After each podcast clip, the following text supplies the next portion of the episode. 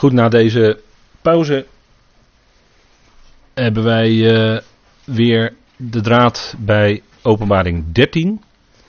En daar gaat het om het beest uit de zee. En dat zal teweeg brengen, en we zitten hier tenslotte nogmaals in het tempelgedeelte, zal teweeg brengen dat de hele aarde, dat wilde beest, hè, er staat in het Grieks het woord therion, dat betekent uh, wild beest, wild dier.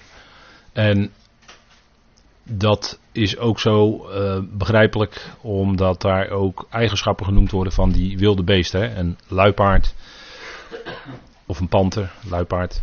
En een leeuw en een beer, dat zijn dieren die leven in het wild. Hè? Dat zijn wilde dieren. Die leven volledig in het wild. En uh, ja, die uh, moeten ook in het wild zien, zelf zien te overleven. Dat kunnen ze ook. En vandaar dat die beelden natuurlijk gekozen zijn. Teken en wonderen, dat is wat we in de eindtijd zien. En dat is wat we ook uh, zien toenemen. En de grens tussen, uh, met name in de media, uh, tussen wat waar en niet waar is, dat is heel, heel moeilijk vast te stellen. Um, er is een uitspraak, en daar ben ik het eigenlijk wel steeds meer mee eens geworden in de loop van de tijd die ooit eens door iemand gedaan is, schijnt het van een uh, uh, bekende inlichtingendienst. Uh, niets is wat het lijkt. Dus je ziet iets in de wereld, er wordt iets getoond door de media. En je denkt dat het zo en zo in elkaar zit, maar in werkelijkheid zit het heel anders in elkaar. Dat is eigenlijk wat vrijwel steeds aan de hand is. En dat is ook zo met de gebeurtenissen die we dan op deze foto's uh, nog eens even teruggeriepen in herinnering. Als het gaat om de moord op John F. Kennedy, dan is daar een heel officieel verhaal door de Warren-commissie opgesteld. Uh, maar hoogstwaarschijnlijk is dat heel anders dan het verslag of het uh, rapport van de Warren-commissie. Maar goed, daar gaan we nu niet verder op in. Wat gebeurt er dan? Was dan het gevolg. En zij aanbidden de draak. Daar gaat het om, hè? De draak, dat is natuurlijk de oude slang, de Satan, de, de diabolos, hè, de tegenwerker enzovoort. Hè. Dat is allemaal dezelfde, hè. dat weten we uit de openbaring, daar staat het ook in. En dit, is, uh, dit zijn een paar plaatjes zo. Uh, rechtsonder ziet u uh, een optocht zoals u die in Azië ziet, hè, met name in China. Zo'n zo'n draak die dan voortge, hè, op van die stokken. Een draak, draakvoorstelling, nou, die speelt in de Chinese samenleving een belangrijke rol. Maar als je erop let, dan eh, speelt hij vaker een belangrijke rol, hè, de draak. En als het gaat om de werkelijke draak van de eindtijd, die speelt natuurlijk eigenlijk achter de schermen de hoofdrol. Hè, dan ziet u uh, daarboven ziet u dat plaatje wat ik u wel eens heb laten zien. Hè. Daar wijst, uh, dat is in, op de NOS geweest. U ziet het ook op het plaatje NOS, NPO 1. Mark Rutte wijst naar het cadeautje wat hij kreeg van Jan-Peter Balkenende.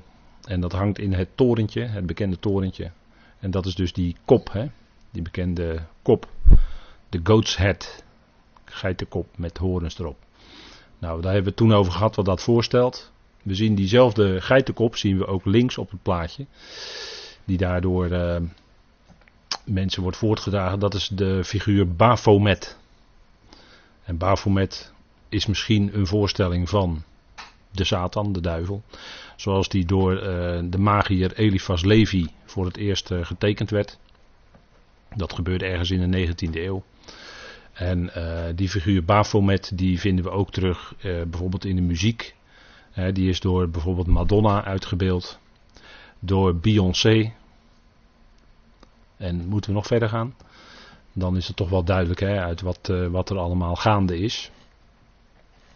En uh, deze figuur Baphomet, die, uh, ja, daarin, als daar rondom zo'n figuur, die wordt hier opgezet op een stoel. Daar worden dan rondom uh, samenkomsten en feesten gehouden. Dat is een soort aanbidding. Dat wordt gedaan. Dat wordt gedaan. Jawel. En dat gaat dan wereldwijd worden, hè? Dat is de toekomst. Zij aanbidden de draak, omdat hij aan het beest macht geeft. Staat in openbaring 13 vers 4. Dus wereldwijde aanbidding van de draak. Daar gaat het naartoe. en dat is, uh, ja, dat is heel ernstig wat in de openbaring beschreven staat. En daar zal niet aan te ontkomen zijn. Zo zal het moeten gaan. dat is de, de mens die dan We zeggen dan in onze samenleving dat die steeds uh, meer seculier wordt, meer wereldlijk wordt. En soms wordt uh, in Nederland ook de kerk daarvoor geprezen, dat de kerk de wereld heeft binnengelaten. Er was ook een dominee die rondom nummers uit de top 2000 kerkdiensten hield en zo, weet u wel, dat soort dingen allemaal. Ja, ja. dat kan je natuurlijk doen hè, in de kerk. Ja. Je kan ook heel wat anders doen, maar goed, ja. Ook dat kan allemaal tegenwoordig. Het moet, moet allemaal kunnen in Nederland, hè? Moet kunnen. Liberaal. Hè? Nou, het gaat er naartoe. Zij aanbidden de draak, omdat hij aan het beest macht geeft. Zij aanbaden het beest en zeiden: wie is aan het beest gelijk en wie kan een oorlog tegenvoeren? Dat is wat Daniel en zijn vrienden, die dus niet bogen voor dat, voor dat beeld, met alle gevolgen van dien, dat was natuurlijk een voorafschaduwing. Dat was profetisch, die geschiedenis van Daniel. Uh, wat is het? Daniel 3, hè, geloof ik. Daniel 3. Hè, dat is natuurlijk profetisch, naar de eindtijd. Daar zal men moeten buigen voor het beest. Dat was toen Nebukadnezar. Maar dat is in de eindtijd wordt hij dan het beest genoemd. En het beeld van het beest. En ook, eh, dat is het beeld van Nebukadnezar. Dat moest men aanbidden. Daar moest men voor buigen. Verplicht. En ze waren natuurlijk als de kippen bij om, uh, om Daniel en zijn vrienden, Sadrach, Mesach en Abednego, om die erbij te rekenen. En die werden in de vurige oven geworpen. Maar, oh wonder, zij kwamen niet om in die oven. Dat is natuurlijk een beeld van het gelovige overblijfsel van Israël, wat in de grote verdrukking niet zal omkomen. Want de vurige oven is een beeld van een grote verdrukking. Van verdrukking in Egypte bijvoorbeeld, wat in de Bijbel de ijzeroven werd genoemd. En toch doorstond, uh, kwam Israël daaruit. En zo zal het ook in de eindtijd zijn. Er zal een rest zijn, want twee derde van het volk zal omkomen. Maar een derde zal ontkomen en zal die rest zijn die toch door de Heer behouden wordt. He, zo zal heel Israël behouden worden, staat er dan in Romeinen 11. En dat is het Israël wat de, het koninkrijk binnen zal gaan. Maar die, die enorme macht, van het beest en die enorme macht van de draak, ja, die zal zo'n enorme indruk op de mensen maken dat zij het beest aanbaden. En in dat beest aanbidden ze natuurlijk de draak. Wie is aan het beest gelijk? Wie kan er oorlog tegen voeren? Het zal zo'n enorme macht zijn. Dat men wel het uit het hoofd zal laten om als, als misschien één landje in de wereld daar tegenop te, te, tegenin te willen gaan. Of tegenop te willen treden. Dus dat zal natuurlijk niet gaan. Hè? Dat, dat, en dat zal zeker door de enorme propagandamachine. Want ja, dan, dan draaien die media natuurlijk op volle toeren.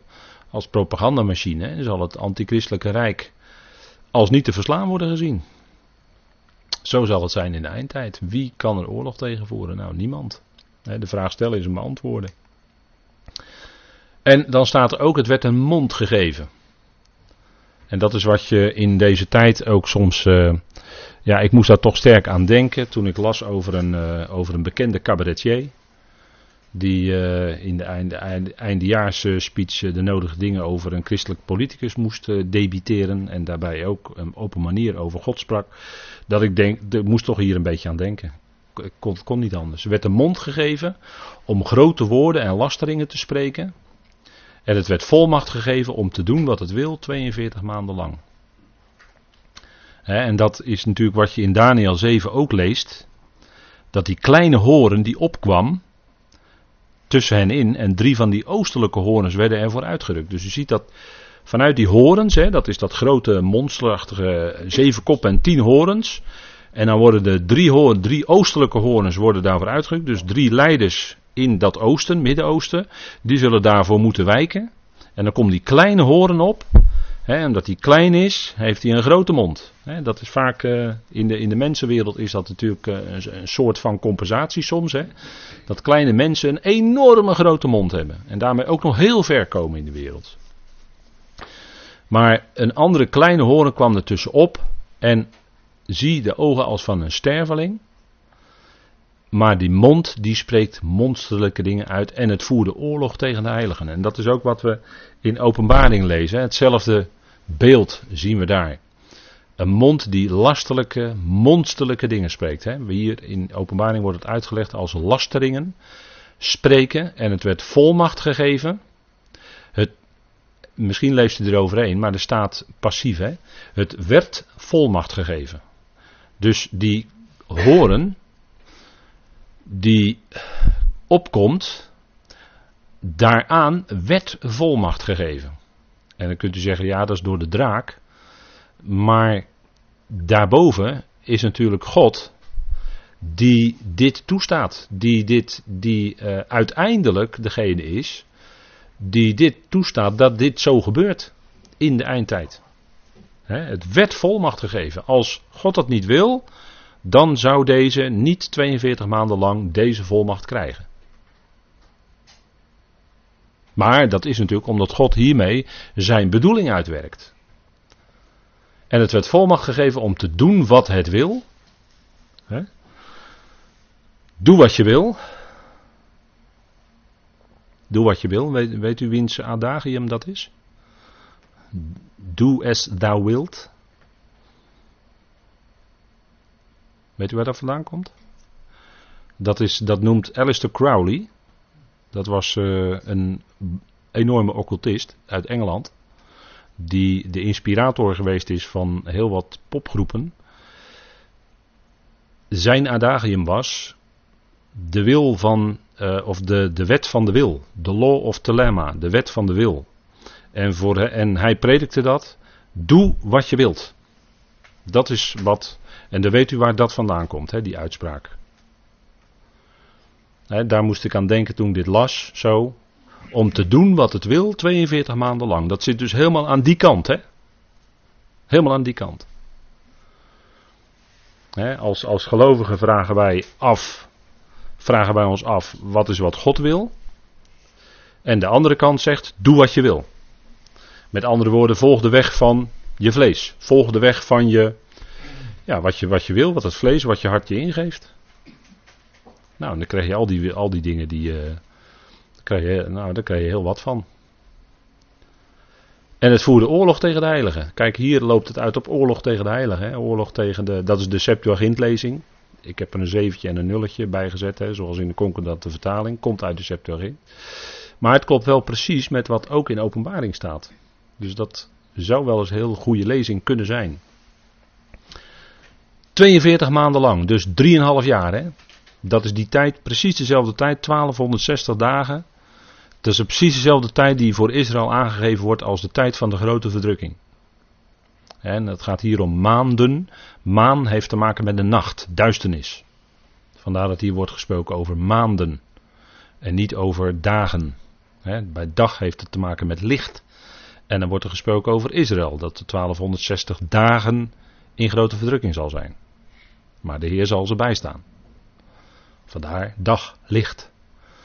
die dingen, dat zijn die fijne nuances die in de tekst zitten waar je op kan letten. lasteringen spreken, u weet wat een lastering is. Dat is in het Grieks het woord blasfemie.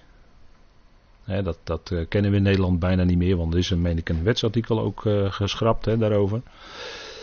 Maar blasfemie, dat wil zeggen, dat is een beschadigende verklaring afleggen over.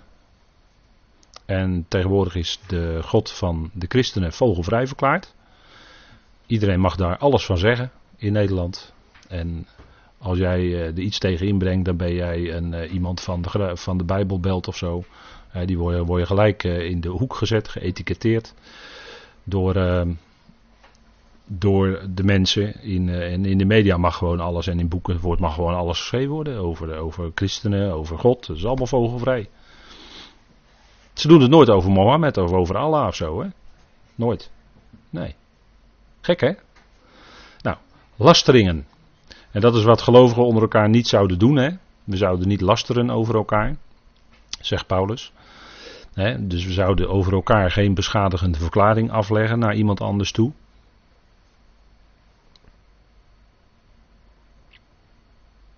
Nou, dat is de liefde. Hè? Dat je elkaar niet, uh, dat je niet uh, onderling loopt te lasteren. Dat is de liefde. Maar dit, dit is de andere kant lasteringen spreken. Nou, dat is precies wat, wat hij doen wil, lasteringen spreken. Er werd volmacht gegeven om dat te kunnen doen, onder andere lasteringen spreken. En dat gaat heel ver, maar diegene krijgt dan kennelijk daar ook de ruimte voor in die tijd. Grote woorden, dat is, hè, dan denk ik toch wel even aan die cabaretier. Grote woorden en, en godslasteringen, lasteringen te spreken. En het werd volmacht gegeven om dat te doen. 42 maanden lang. En in Daniel 7 staat dan, in een ander vers, net citeerden we daarbij vers 8, maar hier vers 25. Dat is de uitleg hè, van wat Daniel gezien had. Hij kreeg uitleg later in het hoofdstuk. En uitspraken tegen de Allerhoogste. Dan heb je dus tegen God. Hè. Uitspraken tegen de Allerhoogste zal hij uitspraken spreken. En tegen de, de heiligen van de Allerhoogste, dat is Israël, zal hij verderven. En de heiligen van de Allerhoogste zal hij verderven. Dus hij zal oorlog tegenvoeren en hen overwinnen, staat er in de openbaring. En hij zal de intentie hebben vastgestelde tijden en een edict te veranderen. En ze zullen in zijn hand geschonken worden voor een era, twee era's en een halve era. Tijd, tijden en een halve tijd. Vastgestelde tijd en een edict. Dat edict is mogelijk het verbond met velen, waarin Daniel 9 op gewezen wordt. Dat zal hij dan op de helft veranderen. De helft van de jaarweek. zoals het in Daniel staat. En dan zal er enorme antisemitisme zijn, anti-judaïsme, anti-Israël, wat zijn weergaan niet kent, dat zal die kleine horen, die wetteloze, zal dat teweeg brengen. En hij zal dat dan mogen doen, tijd, tijden en een halve tijd. Dus die 3,5 jaar, hè, dat wijst op diezelfde 3,5 jaar of 42 maanden. En we vinden dat ook in uh. Laten we die tekst ook even met elkaar lezen. 2 Thessalonicense 2 vers 4. Er wordt naar verwezen. En Paulus die steekt dan die Thessalonicense een hart onder de riem. En hij zegt laat jullie niet misleiden door wat dan ook. Of er dan nog een andere brief van Paulus gekomen zou zijn. Of een woord of wat dan ook. Nee. Eerste brief lezen. Die eerste Thessalonicense brief. Daar moet je het bij houden zegt Paulus. Zo steekt hij zijn hart onder de riem. De dag des Heren is nog niet aangebroken. En dat geldt ook voor ons, hoe erg de druk ook nog gaat worden. En die, ik denk dat die nog, erger, dat die nog behoorlijk zal gaan toenemen. Maar denk dan niet dat de dag des Heren al aangebroken is. Want ons is beloofd dat die bazuin zal klinken. En pas daarna gaat die dag des Heren ingeleid worden met de dag van toren. Maar wij zijn niet gesteld tot toren, maar tot verkrijging van redding door onze Heer Jezus Christus. Dat is wat er staat. En daar mogen we het op houden. Dat is 1 Thessalonicense. Dus laat je niet verontrusten of misleiden door wat dan ook. Houden bij wat staat geschreven. 1 Thessalonicense 4, 5, dat zijn de woorden voor ons. Troost. Vertroost elkaar met deze woorden, zegt Paulus. Nou, dat zullen we dan ook doen. En dan zegt hij in vers 3, 2 Thessalonicense 2, vers 3. Laat niemand jullie misleiden op geen enkele manier komt immers niet de afval eerst en wordt niet de mens van de wetteloosheid onthuld, de zoon van destructie, die tegenstreeft. Dat is een kenmerk, tegenstreven. het is een andere geest, het, komt, het gaat er steeds tegenin. En zich verheft boven alles wat God genoemd wordt, of voorwerp van verering, zodat hij zelf in de tempel van God gaat zitten, bewijzend dat hij zelf als God is. Eerst moet die afval komen. En de mens van de wetteloosheid zich openbaren. De wetteloze. En die zal zich laten zien en zal zich voordoen als God. Zo staat dat geschreven. Hè? Maar verderop in het hoofdstuk weten we dat er staat dat er een weerhouder is. Die wetteloze kan niet komen voordat die weerhouder is weggenomen. Dat is wat wij lezen in vers 6. En er staat: Nu weten jullie wat hem tegenhoudt om onthuld te worden in zijn eigen era. Vers 7: Want het geheimenis van de wetteloosheid is al werkzaam, alleen totdat het uit het midden zou worden weggenomen, die momenteel tegenhoudt. De tegenhouder, de weerhouder. En ik ben er stellig van overtuigd dat dat de gemeente is. Pas als de gemeente is weggenomen, dan kan de, kan de afval komen en die wettelozen zich openbaren. Maar niet eerder. Eerst moet de gemeente weg. Dat is de weerhouder. En pas dan zullen deze dingen kunnen gaan doorbreken.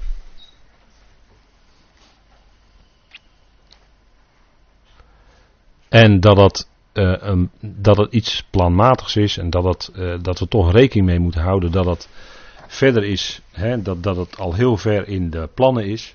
Hè, dat is ook uh, hiervan een illustratie. Openbaring 13, vers 6.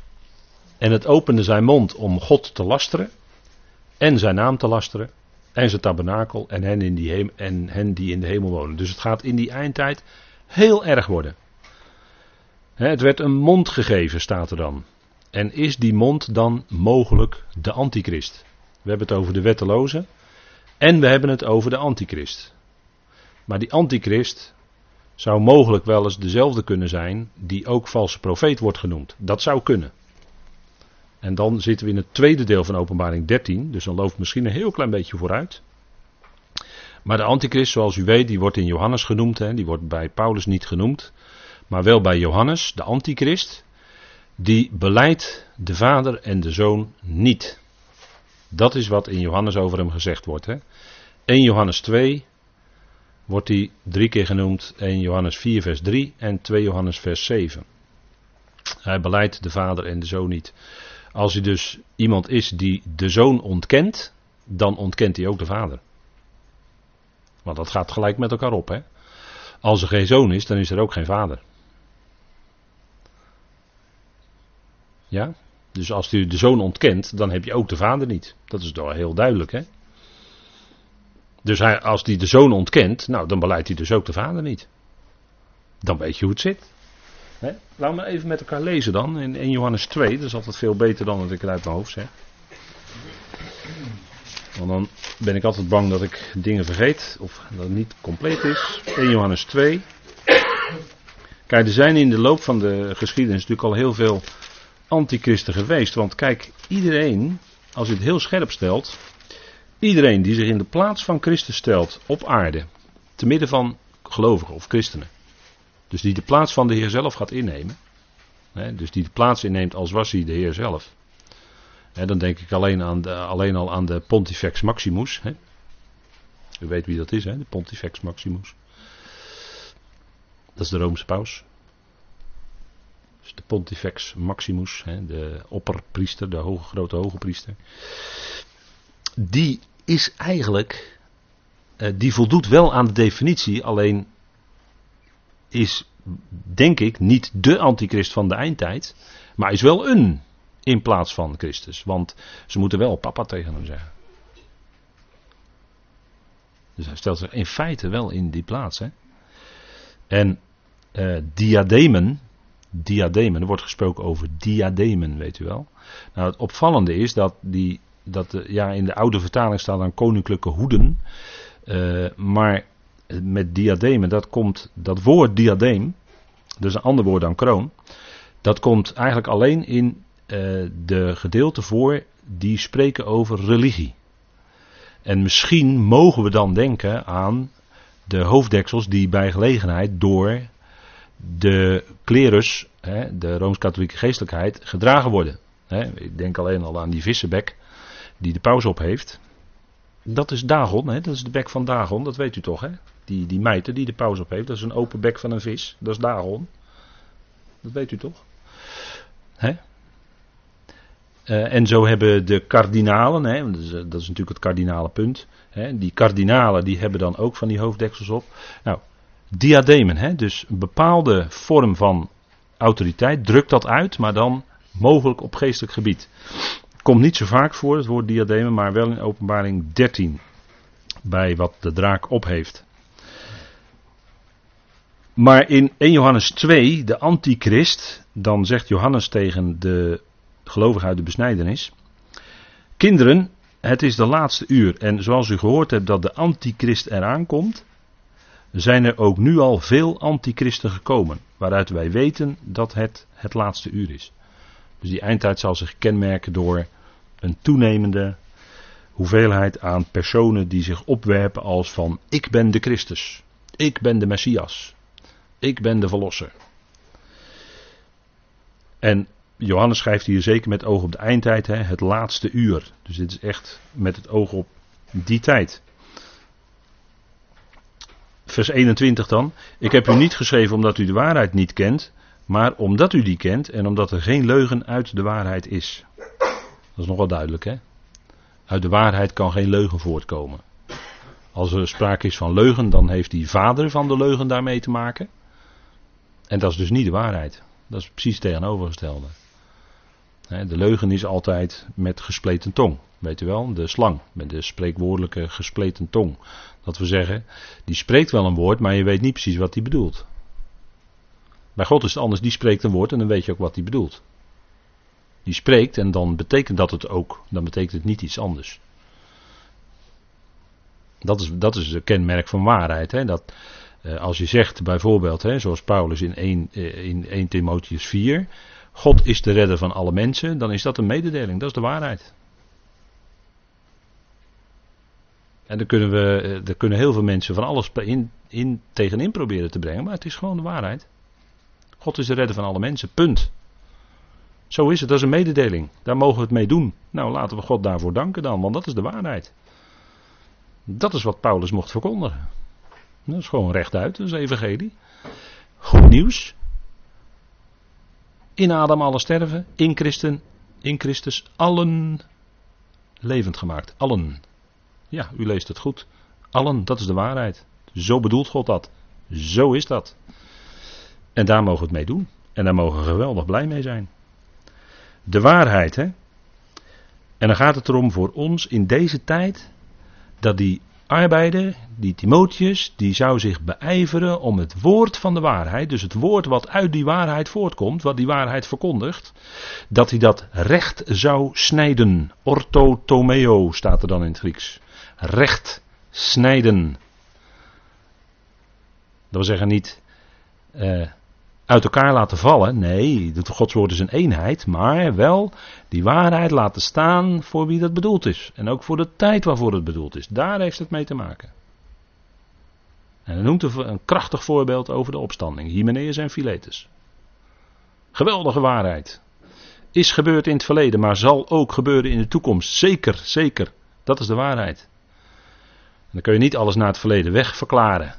Dat doen de preteristen ook, hè, met de openbaring bijvoorbeeld. Die verklaren alles naar het verleden weg, alles historisch. Is er geen toekomst meer. Maar dat is niet waar. Dat kun je ook niet volhouden als je openbaring leest.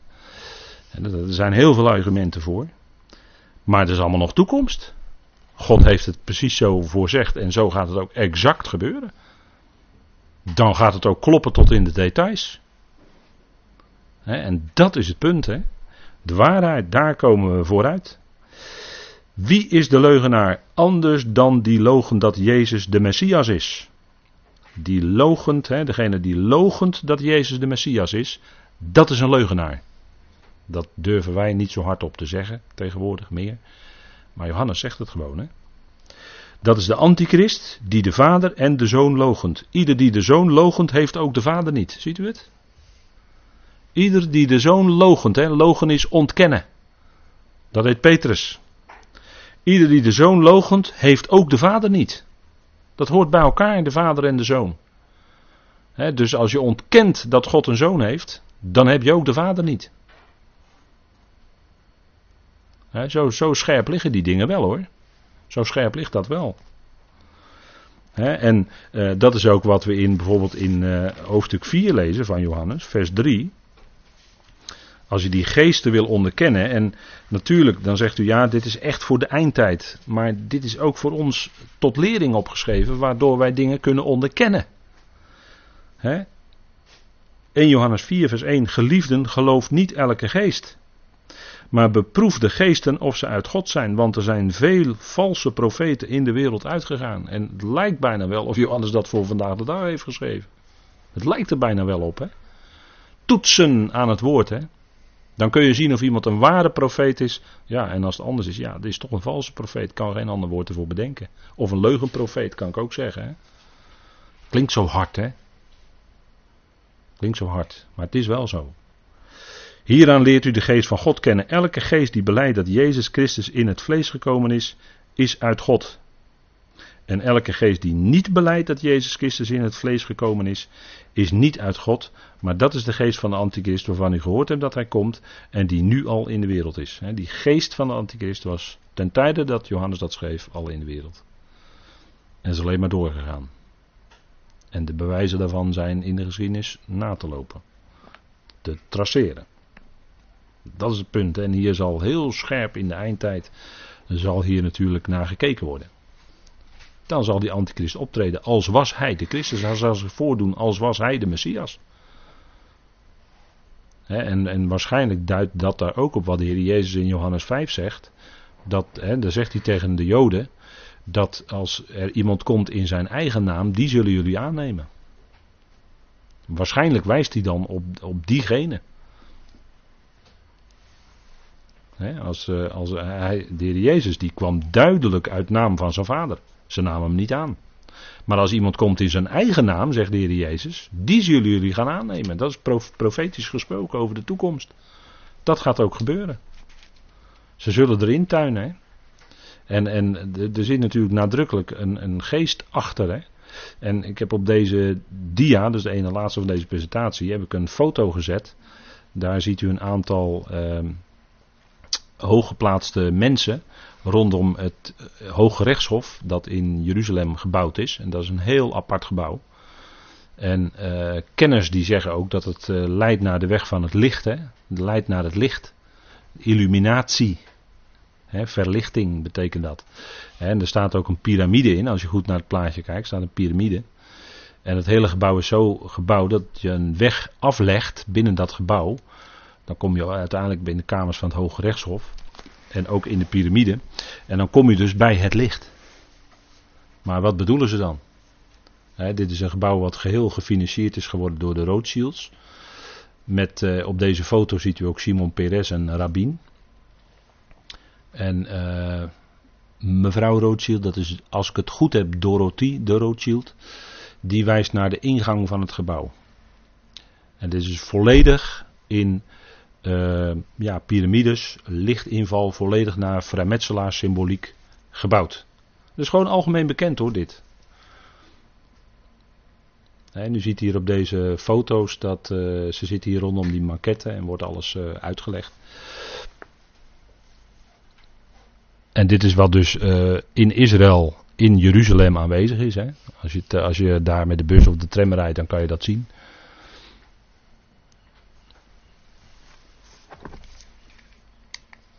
En dan als laatste, dit is dan wat je in dat gebouw, wat u net zag, dit plaatje, dat is de allerlaatste dia. Wat je in dat gebouw vanuit een raam kan je zien, die piramide met die, dat rondje daarbovenin, dat is natuurlijk dat oog hè, wat in die piramide zit. En uh, van daaruit, als je door dat oog naar buiten kijkt, hè, je bent in dat gebouw opgeklommen, dan uh, zie je uh, uitzicht over Jeruzalem. En u kunt dat allemaal uh, terugvinden, gewoon op internet. Alleen moet je wel even uitkijken welke site je hebt, maar daar wordt het allemaal wel keurig netjes in uitgelegd. En daar is ook een boeken, een bibliotheek, die bestaat uit drie verdiepingen. En die drie verdiepingen die stellen dan voor de 31ste, 32ste en 33ste graad van de vrijmetselaars. Dat is wat, wat daar ook te vinden is. Hè. Dat zit dan in die piramide. Dus dan ziet u dat die hele symboliek daarin verweven zit. Gebouw, Hoge Rechtshof, Jeruzalem. Wat we lezen in openbaring 13, en daar wil ik dan mee afsluiten voor vanavond. En het werd gegeven, het beest dus, werd gegeven om strijd te voeren tegen de heiligen dat vinden we ook in Daniel. En om hen te overwinnen. Dus het werd gegeven om hem te overwinnen. Want als we terugkijken in de recente geschiedenis, dan zien we dat er diverse oorlog, oorlogen gevoerd zijn tegen Israël. En die zijn door Israël gewonnen. Dat is omdat het dan aan Israël gegeven werd om te kunnen standhouden. Op hun lotdeel, hè? standhouden op je lotdeel. Hè? Dat geldt ook voor ons natuurlijk, maar dat is dan boven te midden van de hemelingen, daar hebben wij ons lotdeel. En daarop zouden wij stand houden. Zegt Paulus in uh, Efeze 6. Dat is ook strijd. Maar Israël heeft ook strijd om op een lotdeel te blijven. Maar dan, in die eindtijd, zal het zo zijn dat ze zelfs hun lotdeel niet meer kunnen vasthouden. Maar het zal aan dat beest dus gegeven worden. En uiteindelijk is dat God die dat geeft. Uiteindelijk, hè, als je het helemaal uitanalyseert naar boven toe. En het werd volmacht gegeven. Dat woord volmacht is exousia. Dat is een volmacht die van, van hoger naar lager gegeven wordt. Over elke stam en taal en volk. Dus het zal een wereldwijde overheersing zijn door het beest.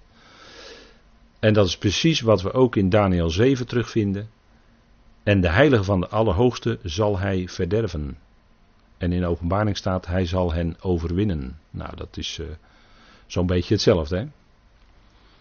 En dat zal hij kunnen doen 42 maanden lang, 1260 dagen lang. Want, zegt de Heer Jezus, als die dagen niet ingekort zouden worden, zou er geen vlees behouden kunnen worden. Hè? 1260 dagen. Daartoe, tot dat aantal, zijn die dagen ingekort.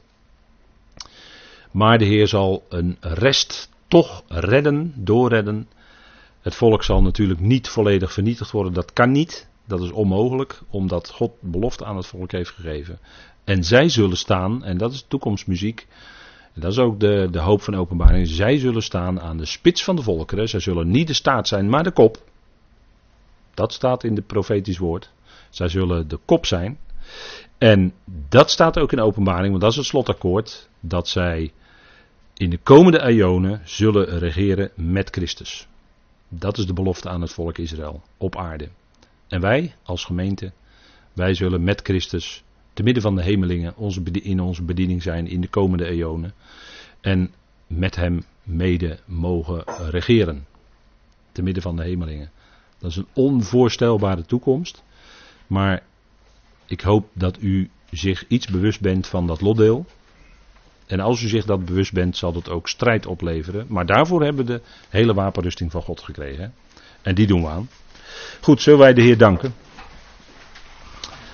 Vader, we danken u dat we ook deze avond van u mochten ontvangen. We danken u dat we weer veel met elkaar hebben kunnen bespreken.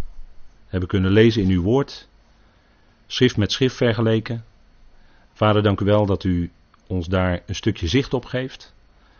Vader, en we zien de politieke en de religieuze kant van de eindtijd. En dat zien we zo duidelijk. Vader, ook in onze tijd. De contouren worden steeds duidelijker. Vader, dank u wel dat we mogen opzien naar u. Weten dat u het bent die ons vasthoudt en draagt. Elke dag. Dat we die geweldige hoop, die verwachting hebben.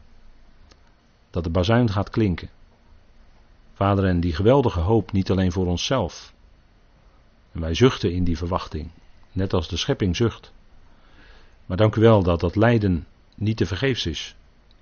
En dat ook het lijden beperkt is.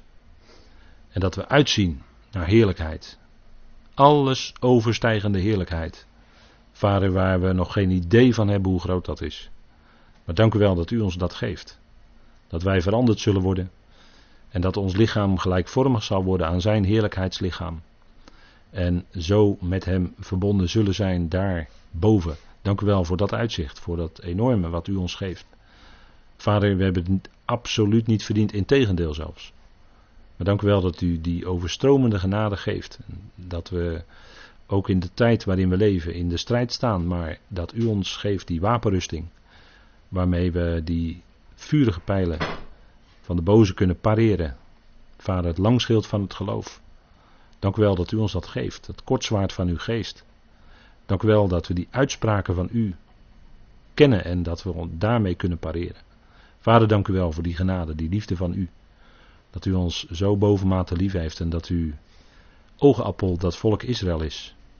Wat u zo lief heeft, Vader, en wat u door die hele moeilijke tijd van verdrukking heen zal brengen. En ze zullen toch uiteindelijk aan de kop staan van de volkeren. En hen onderwijzing geven over u en de Messias. Vader, we danken u daarvoor. We danken u dat we zo weer een moment bij elkaar konden zijn. Vader, dank u wel voor alles wat u gaf, geeft en nog geven zult. Wees ons genadig nabij ook in de komende dagen, Heer. En dank u wel dat we mogen uitzien naar u, Heer, naar wat u gaat geven. We danken u daarvoor in die machtige naam van uw geliefde Zoon, onze Heer Christus Jezus. Amen.